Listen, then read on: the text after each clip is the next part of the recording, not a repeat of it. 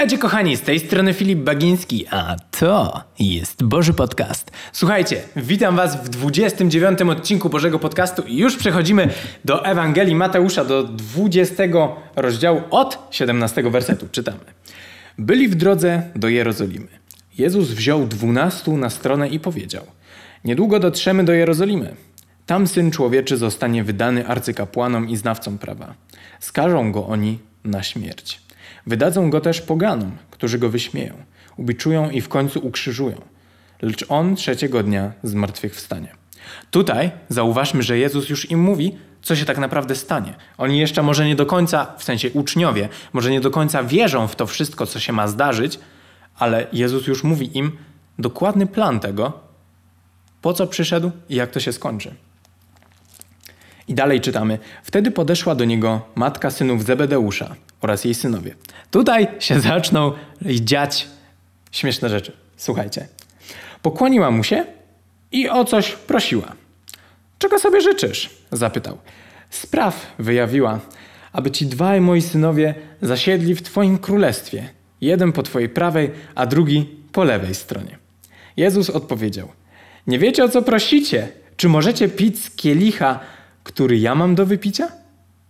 Możemy, oświadczyli. Wprawdzie z mojego kielicha pić będziecie, powiedział, lecz zapewnienie wam miejsca po mojej prawej lub po lewej stronie nie należy do mnie. Zasiądą na nim ci, którym przygotował je mój ojciec.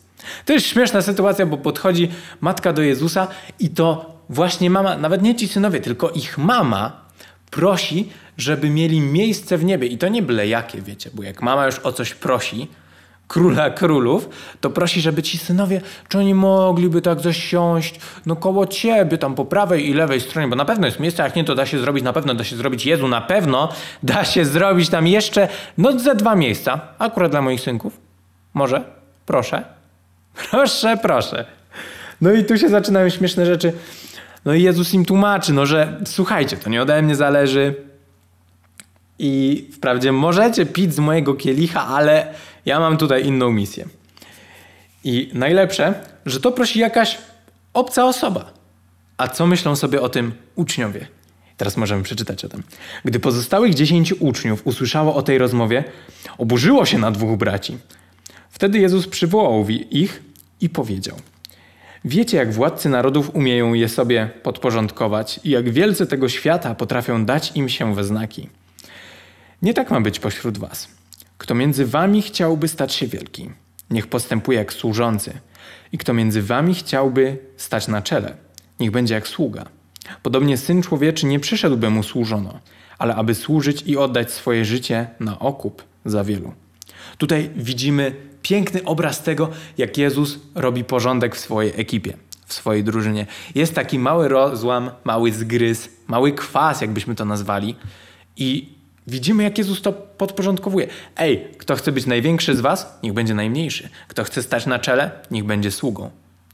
I jak to czytałem, to zacząłem się zastanawiać, że okej, okay, to brzmi jak taka reprymenda, tak zwana operetka, ale jeżeli ci uczniowie naprawdę po tych słowach Jezusa wprowadzili to do swojej drużyny, to jak myślicie, jaka była kultura tego, miejsca, w którym oni w ogóle byli i przebywali. Jeżeli nagle jeden zacząłby usługiwać drugiemu, to w tym, a to w tym, a to w tym. I ja zacząłem widzieć w tym, jak Bóg poprzez tak małe rzeczy potrafi doprowadzić do rzeczy wielkich. Słuchajcie, jeżeli my byśmy wszyscy zaczęli wszystkim usługiwać, jakim miejscem stałaby się Ziemia? Jeżeli wszyscy działaliby na 100% swoich możliwości oraz robiliby to z serca, jeny, ta ziemia byłaby zupełnie inna. Gdyby każdy obdarowywał każdego swoimi darami, swoimi talentami, jeny, to by było niebo na ziemi. Myślę, że tego uczył Jezus. Jezus uczył na ziemi kultury nieba. Myślę, że to jest jedna z pierwszych zasad. I dalej, kiedy wychodził z Jericha, podążał za nim wielki tłum. Gdy dwaj niewidomi, którzy siedzieli przy drodze, usłyszeli, że to Jezus przechodzi, zaczęli wołać: Panie, synu Dawida, zmiłuj się nad nami! Tłum jednak nastawał na nich, chcąc, aby zamilkli. Lecz oni tym głośniej wołali: Panie, synu Dawida, zmiłuj się nad nami! Aż pies mój zaczął szczekać na dole. Wówczas Jezus przystanął, przywołał ich i zapytał: Co chcecie, abym wam uczynił? A oni: Panie, prosimy, otwórz nam oczy. Jezus zlitował się nad nimi, dotknął ich oczu, a oni natychmiast odzyskali wzrok i poszli za nim. To jest piękna historia tego, że nie wolno się poddawać. Słuchajcie, to byli jacyś dwaj niewidomi, cały tłum szedł za Jezusem.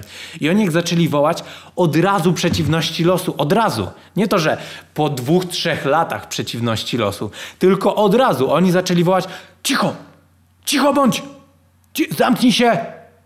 Ile razy mamy mówić? A oni się, nie, oni się nie posłuchali przeciwności losu, oni nie posłuchali tego, co mówił świat.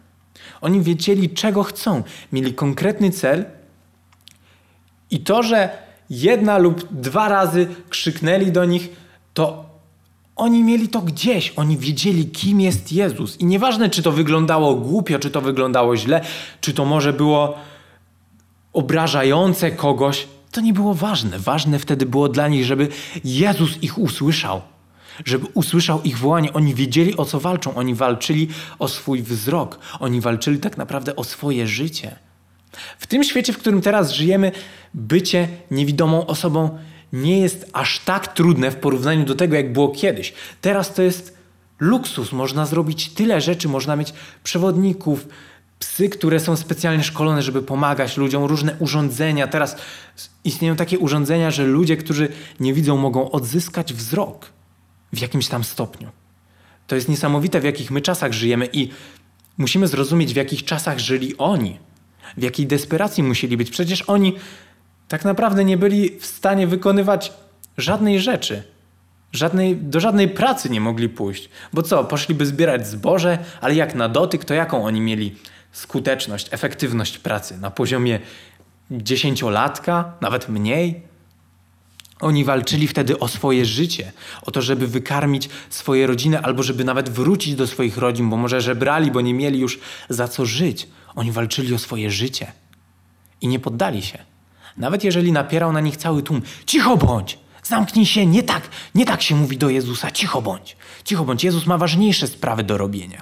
Bóg ma dużo więcej ludzi do uzdrowienia niż ciebie. Ty jesteś nikim. Oni się nie przejmowali tym. Oni walczyli o swoje życie. I tak jak jest napisane, tłum jednak nastawał na nich, chcąc, aby zamilkli, lecz oni tym głośniej wołali.